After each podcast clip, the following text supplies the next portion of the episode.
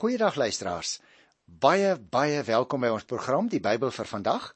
Vir nuwe luisteraars wil ek sê ons is besig om die Bybel deur te werk van Genesis tot Openbaring en ons doen altyd eers een boek in die Ou Testament en dan daarna 'n boek in die Nuwe Testament en dan gaan ons weer terug na die Ou Testament en so wissel ons elke keer ons programme af. Nou ons is nou al 'n paar weke lank besig met die boek Levitikus en vandag spesifiek is ons by Levitikus by die uh, 23ste hoofstuk en ons gaan begin by vers 4. Nou ek het uh, by die vorige program vir julle gesê hier word eintlik sewe verskillende rusdae of feesgeleenthede genoem. En vandag se stukkie begin baie spesifiek met die Paasfees. Kom ek lees by Levitikus die 23ste hoofstuk by vers 4. Verder is daar ook die volgende feeste tot my eer, gewyde byeenkomste wat julle op vasgestelde tye moet vier. Op die 14de van die eerste maand in die skemer moet julle die Paasfees vier tot eer van die Here. Op die 15de van dieselfde maand begin die fees van ongesuurde brood tot eer van die Here. 7 dae moet julle ongesuurde brood eet. Op die eerste dag moet julle gewyde byeenkoms hou. Julle mag dan geen werk doen nie. 7 dae lank moet julle offers aan die Here bring. Die 7de dag moet julle weer 'n gewyde byeenkoms hou en niemand mag werk nie. Nou kom ek eers eh, vir jou net so ietsie sê oor hierdie uh verskillende geleenthede wat nou hier genoem word en dit begin spesifiek met die Paasfees. Jy sal onthou luisteraar, Die Paasfees wat soms ook genoem word die fees van die ongesuurde brood is in die Joodse maand Nisan gevier waarop 'n stadium as die eerste maand in die Israelitiese uh, kalender gegeld het. Soms is dit ook genoem in Hebreëus Aviv. Nou dit was 'n sewe-daagse fees. En tydens hierdie fees is brood sonder suurdeeg geëet met gewyde byeenkomste op die eerste en die sewende dae. Die Paasofferlam is teen son onder op die eerste dag geslag en dan is dit op 'n voorgeskrewe manier voorberei en geëet. Jy onthou nog ons het daaroor gepraat toe ons Eksodus 12 behandel het in redelike detail, so ek wil nou nie weer uh oor die uittog en die instelling van uh, die Paasfees met jou in detail gesels nie. Maar is interessant dat uh, as 'n mens kyk in Deuteronomium 16, dan moes die fees later in die geskiedenis by die heiligdom gevier word. En volgens Levitikus 23 waarmee ons nou vandag besig is, moes daar op elk van die 7 dae offers gebring word. Intussen hakies hierby sluit die uh, berigte oor die groot Paasfeeste wat deur 'n uh, koning Hizkia en koning Joshua uh, gevier is later natuurlik aan. Ons lees daarvan in 2 Konings die 23ste hoofstuk en ook in 2 Kronieke by die 30ste hoofstuk. Maar as 'n mens nou kom in die tyd van die Nuwe Testament, dan is daardie feesviering nog steeds voortgesit en die maaltyd het begin sodra dit donker geword het en dit het ongeveer tot middernag aangehou. Jy onthou nog daardie uh, laaste paasfees waar die Here Jesus uh, dit eintlik verander het in 'n nagmaalsgeleentheid. En by die maaltyd is die betekenis daarvan deur die gesinshoof verduidelik. Ek het al so 'n bietjie met jou daaroor gesels. Nou Ook omdat die fees net in Jerusalem gevier is in die tyd van die Nuwe Testament, was die stad gewoonlik vol feesgangers, ook uit ander lande. En van die inwoners van die stad is dan verwag om vertrekke beskikbaar te stel vir die feesgangers wat van uh, die platteland af of selfs uit ander lande gekom het. Ehm um, is interessant as 'n mens gaan lees in 1 Korintiërs by die 5de hoofstuk van die 6de vers af, dan vertolk Paulus die Paasfees in 'n geestelike sin. Hy sê die ou suurdeeg wat voor die fees verwyder moes word, word beeld van die sonde. Christus word aangedui as die paaslam. Nou dat die Here Jesus self in Johannes 1 vers 29 en 36 die lam van God genoem word, hang dus hiermee saam. Maar nou ja goed. Uh as ek terugkom na ons teksgedeelte, dan sien jy opmerk die eerste en die laaste dag word soos 'n Sabbatdag gevier in daardie vroeë tyd van die viering van die Paasfees. Die verskillende offers is gebring en gedurende die tyd van die fees is slegs brood wat nie suurdeeg ingehaat het nie, geëet. Jy sal ook nog onthou luisteraar in Eksodus 12 word hierdie fees juis verbind aan die nag toe die Here die eersgeborenes van Israel in Egipte van die dood gered het en die volk uit slawerny verlos het. Nou die voorskrifte wat ons nou hier oor die Paasfees kry en ook oor die ongesuurde brood is ook eintlik baie kort. En dit gee hoofsaaklik die tye aan waarop sekere handelinge verrig moes word. Daar's ander gedeeltes ook in die Bybel, maar as ons daarby kom sal ek daarop uh wys. In Levitikus hier is die tydrekening volgens die lentejaar. Dit beteken dat die nuwe jaar ongeveer met die dag en nag ewening aan die einde van Maart begin het. Die eerste dag van die nuwe jaar het dan saamgeval met donker maan sodat die Paasfees 14 dae later op 'n volmaan nag gevier is. Maar kom ons gaan nou so klein bietjie verder want uh, hier van vers 9 af kry ons nou eintlik die begin van die graanoes. Uh ter inleiding wil ek miskien net sê dit het uh, natuurlik direk op die Paasfees gevolg. Die eerste rypare van die graanoes is saam met ander offers vir die Here gebring om te erken dat hy die Here die oes gegee het. En so is die Here dan geloof omdat hy vir hulle gesorg het. Kom ons lees dit, vers 9 tot 14.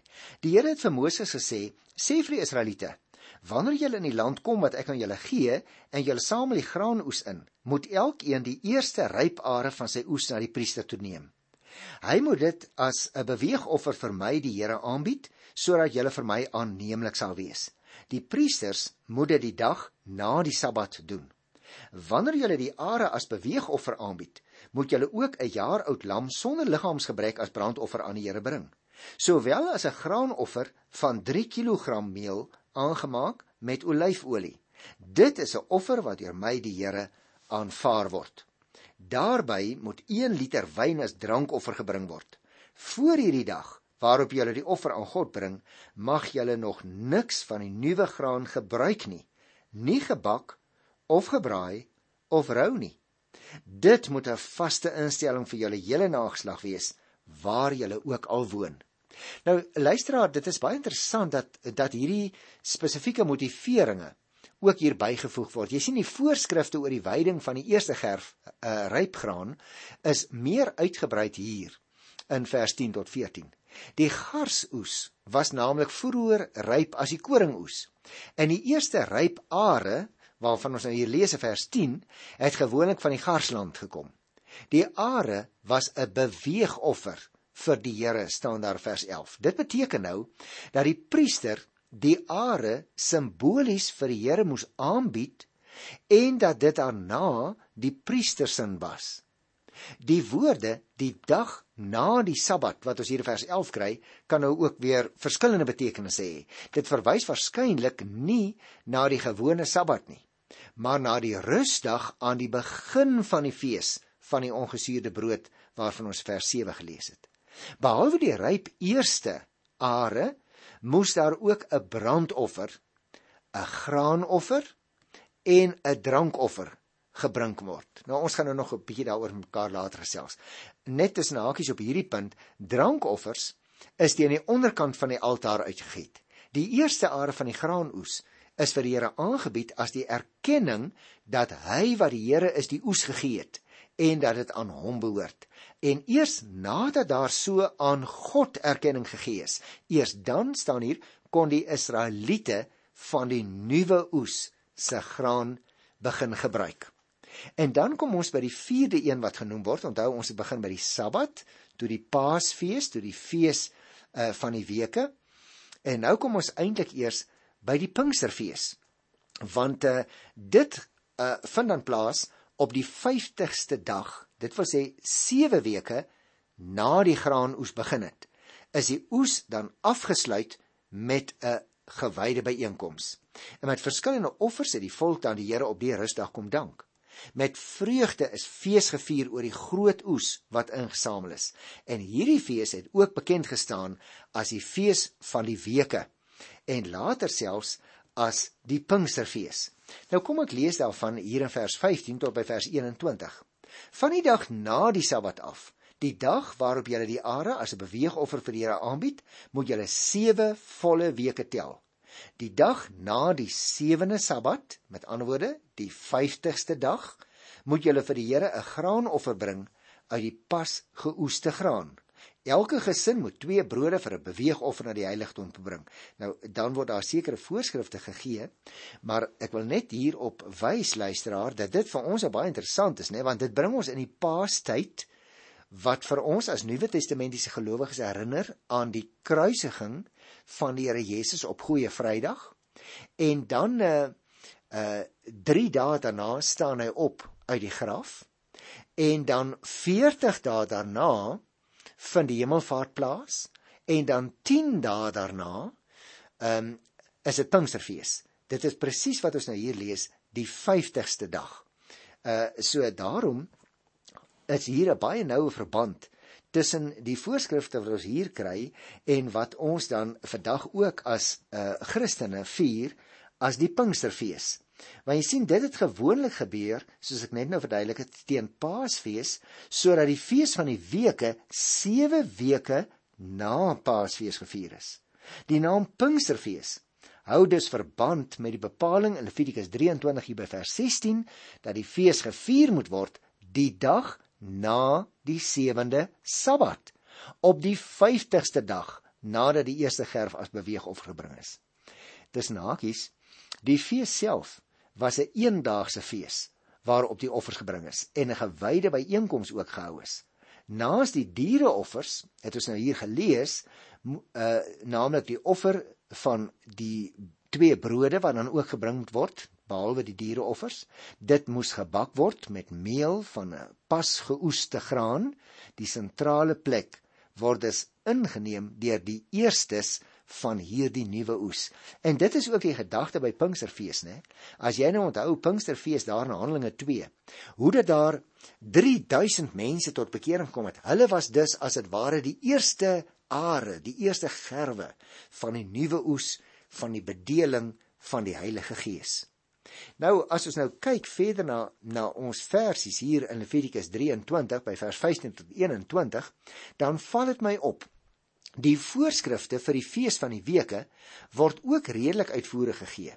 Daar word in die Ou Testament verskillende name vir hierdie fees gegee, so byvoorbeeld die fees van die oes of die fees van die weke. Maar soos ek net nou gesê het, ons ken dit veral as Pinksterfees. Dit wil sê die fees op die 50ste dag waarvan ons hier in vers 16 gelees het. Die fees het die graanoes afgesluit. Die offers op die dag was nie so beskeie as die offers aan die begin van die oes nie. Dit was in 'n sekere sin 'n dankfees vir die oes wat die Here gegee het. Die nuwe oes se graan is gebruik vir die graanoffer en die brode en die brode kon suurdeeg in hê want dit is nie op die altaar verbrand nie maar as beweegoffer aangebied en dan deur die priesters geëet. Daar's iets van 'n teespraak oor wat met die 2 jaar oud lammers gedoen moet word. In die een geval moet dit uh, word dit 'n maaltydoffer genoem in vers 19. Met ander woorde, die gesin wat dit gebring het, het al die vleis geëet behalwe die vet en die dele wat die priester moes kry. Maar in die volgende geval word egter gesê dat daar twee lammers uh, gebring moes word as 'n beweegoffer. Kyk na vers 20. Met ander woorde, die priesters en hulle families het dit geëet. Nou ons weet nie presies nie, maar dit is moontlik dat iets hier weggeval het en dat net twee lammers uh, in vers 20 bedoel word as borststukke van die twee lammers. Nou ons het dus hier 'n uh, interessante weergawe van hoe dat die Paasfees wat dan uitloop op die Pinksterfees nie net aan mekaar geskakel het nie, maar hoe dat hulle elkeen 'n baie spesifieke betekenis gehad het. En soos ek jou net nou gesê het van ons as Nuwe Testamentiese gelowiges het dit baie baie besondere betekenis. Daarom die Paasnaweek rondom Goeie Vrydag, ek wonder net of dit altyd op sy reg kom. Waarin dit wel uh Goeie Vrydag genoem word en nie soos mense sou kon verwag Swart Vrydag omdat die Here Jesus gesterf het nie. Nee, Goeie Vrydag omdat hy die laaste bloedige offer gebring het, die groot en finale offer vir die versoening met God. En daarna gaan ons dan die Pinkstertyd in, soos wat ek net nou verduidelik het. Nou ja goed, kom ons gaan 'n klein bietjie verder anders kry ons nooit klaar met hierdie pragtige hoofstuk nie. Ek is by Levitikus die 23ste hoofstuk by vers 22. Wanneer julle julle lande oes, moet julle nie die wenakkers afoes of die are wat bly lê optel nie. Julle moet dit los vir die armes en die vreemdelinge. Ek is die Here julle God. Die Here het vir Moses gesê: "Sê vir die Israeliete: Die eerste dag van die sewende maand moet 'n rustdag wees, 'n gedenkdag wat met die blaas van ramshorings aangekondig word, 'n gewyde byeenkoms. Niemand mag dan werk nie en julle moet offers aan die Here bring." Nou in die sewende maand dan met die begin van die herfs was daar altesaam 3 feeste. Die uh, eerste 3 het op die eerste dag van die maand plaasgevind en is aangekondig met die blaas van 'n ramshoring het ons net gelees. Daar is 'n gewyde byeenkoms gehou waarin die Here gedien is. En dit stem natuurlik ooreen met die Joodse Nuwejaarsdag. Hulle het dit vandag nog uh, op hulle kalender. En baie interessant dat uh, die ortodokse Jode uh, dit vir jaar uh, dit elke jaar nog gereeld vier um, op 1 Tisri word dit volgens die Joodse kalender genoem. En dit het sy naam gekry deurdat Tisri op 'n stadium as die eerste maand in die Israelitiese kalender begin geld het. Dit was 'n rusdag en 'n feesdag met offers. Nou gelukkig, hierdie soort offers broer en suster is vir jou en vir my verby omdat die Here Jesus die finale offer gebring het. Maar die voorskrif oor die voor, voorsiening vir die armes en die vreemdelinge hier van vers 22 af tydens die oes van die graan word uh, weer herhaal. Ons het dit al van tevore gekry in Hoofstuk 19 by vers 9. En dit sou die armes en die vreemdelinge ook in staat stel om deel te neem aan die dankfees uh vir die oes wat God gegee het. Jy sien, as die ryk mense hulle lande volledig afgeoes het, dan het die arme mense niks gehad nie. En daarom is daar op hierdie manier ook voorsiening gemaak dat die armes en die vreemdelinge tydens die oes van die graan ook iets kon kry uh om aan die Here te offer. Wonderlik dat die Here tog so omsien vroeg in die geskiedenis al na die armes. En hier van vers 23 af dink ek het ons 'n uh, interessante aanleiding sê vir die Israeliete. Die eerste dag van die 7de maand moet 'n rusdag wees, 'n gedenkdag. Niemand mag dan werk nie. Jy sien, hierdie besondere rusdag of die eerste dag van die 7de maand was die eerste van hierdie reeks herfsfeeste. In die herfsjaar is dit die eerste dag van die nuwe jaar. Nou vandag is dit dan soos ek gesê het, die Jode se nuwe jaarsdag. Maar ek wil ook graag met jou gesels oor die volgende fees, uh wat eintlik net uit 'n dag bestaan het, naamlik die Versoendag. Kom ons kyk hier in Levitikus 23 by vers 26. Die Here het vir Moses gesê, op die 10de van die 7de maand is dit die Versoendag. Nou luisteraars, ons het al oor die Versoendag in redelike detail gesels en daarom wil ek nou nie uh weer die detail behandel nie. Miskien net vir jou daarop herinner, daaraan herinner dat die groot Versoendag is op 10 Tisri gevier volgens die Joodse kalender. En dit was 'n dag van verootmoediging waarop daar gevas is waarop alle werk gestaak is terwyl daar verzoening gedoen moes word vir die volk se sondes van die priesters en die volk. En die handelinge waardeur die hoë priester verrig moes word op daardie dag is beskrywe in Levitikus 16 toe het ek dit ook in detail verduidelik en daarom noem ek dit nou eintlik net. Tussen hakies die Hebreërbrief gebruik juis die gegevens oor die groot versoendag om die algenoegsaamheid van Christus as hoë priester van die nuwe verbond en as offer vir die sonde te beskryf. Gaan lees gerus in Hebreërs 9 en ook in Hebreërs 10. Nou ja, ek wil miskien nog net na aanleiding van ons teks 'n uh, 'n uh, enkele opmerking hier byvoeg want dit is vir ons van belang dat ons baie goed sal verstaan. Die voorskrif oor die jaarlikse versoendag word nou nie weer herhaal nie. Want die Jode het dit geken omdat dit alreeds in die 16de hoofstuk in detail bespreek is. Maar wat uitstaan en daarom word dit hier pertinent genoem, die voorskrif om te vas en om geen werk te doen nie, word weer 'n keer baie baie sterk beklemtoon. En dit bring ons dan by die laaste fees wat genoem word in die hoofstuk, naamlik die ehm um, Huttefees. En ek gaan 'n uh, paar versies daarvan lees, maar eintlik wil ek eers vir jou 'n bietjie agtergrond gee. Want ek dink die Huttefees uh, lei ook soms tot 'n uh, allerlei misdagstinge by mense. Die Huttefees was die derde van die drie feeste in die sewende maand. Met ander woorde, die nuwe jaar, die versoendag en die Huttefees was dan die derde uh, een hier. En dit het net soos die Paasfees vroeër in die jaar ook 7 dae lank geduur. Die fees het op die 15de dag van die maand begin en met die begin van die vrugteoes saamgeval. Dit was 'n baie uitbundige fees. En op die uh fees moes die Here se leiding en beskerming in die woestyn herdenk word. Dit is dus 'n fees wat heel waarskynlik eers later in die geskiedenis regtig tot sy reg begin kom het. En die volk het in herinnering aan die woestyntyd inderdaad ook met palmlare en met takke vir hulle afdakke gemaak waaronder hulle die 7 dae lank fees gevier het. En met hierdie fees is Israel se toewyding aan God en hulle vertroue in sy leiding en in sy beskerming opnuut bevestig. Die feeste was natuurlik baie belangrik vir Israel. Al hierdie verskillende feeste was anders as die van die ander volkere, omdat die tye van feestelikheid saam met God gevier is.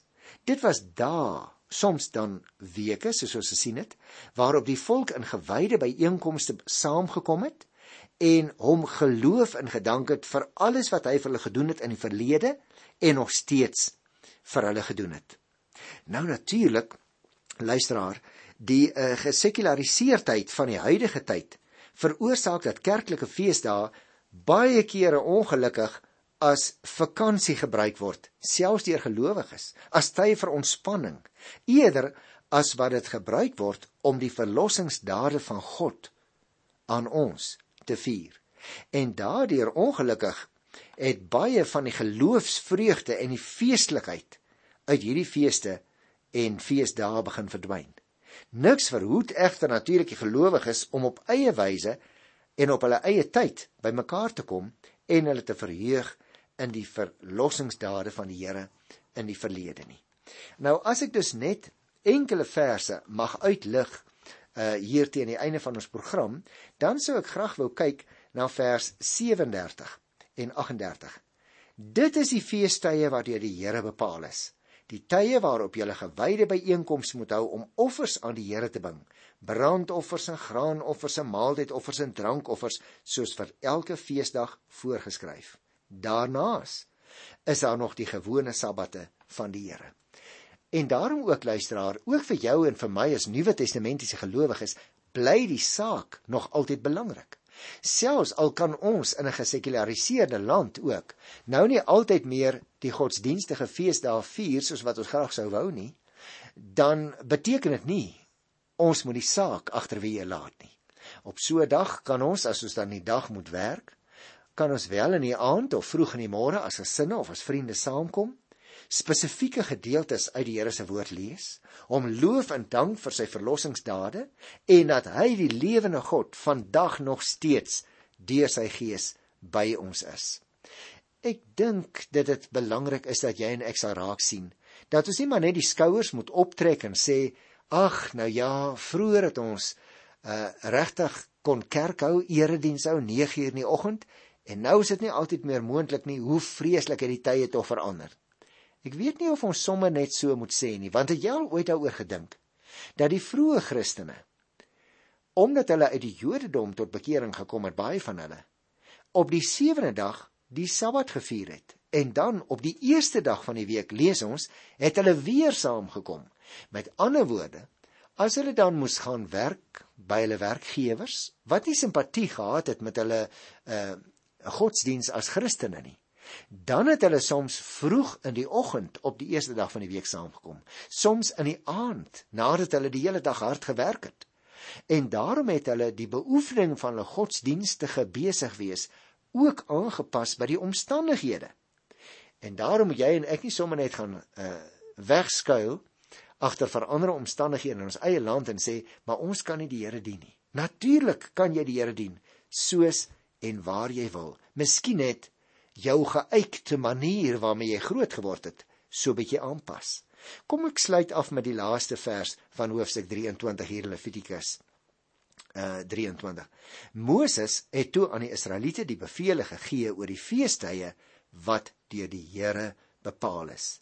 Jy sien, die hierdie hele eenheid van die lang hoofstuk uh Levitikus 23 oor die feeste word afgesluit met die mededeling dat Moses die bevele van die Here aan die Israeliete oorgedra het. In die lang geskiedenis sou hulle die wyse waarop hulle die feeste vier moes aanpas as gevolg van omstandighede. Maar die saak moes nog steeds deur hulle in herinnering geroep word. Vir jou en vir my as Christene is dit nie anders nie. Geliefde, ek groet jou in die wonderlike wonderlike naam van Jesus Christus. Tot volgende keer en tot dan. Totsiens.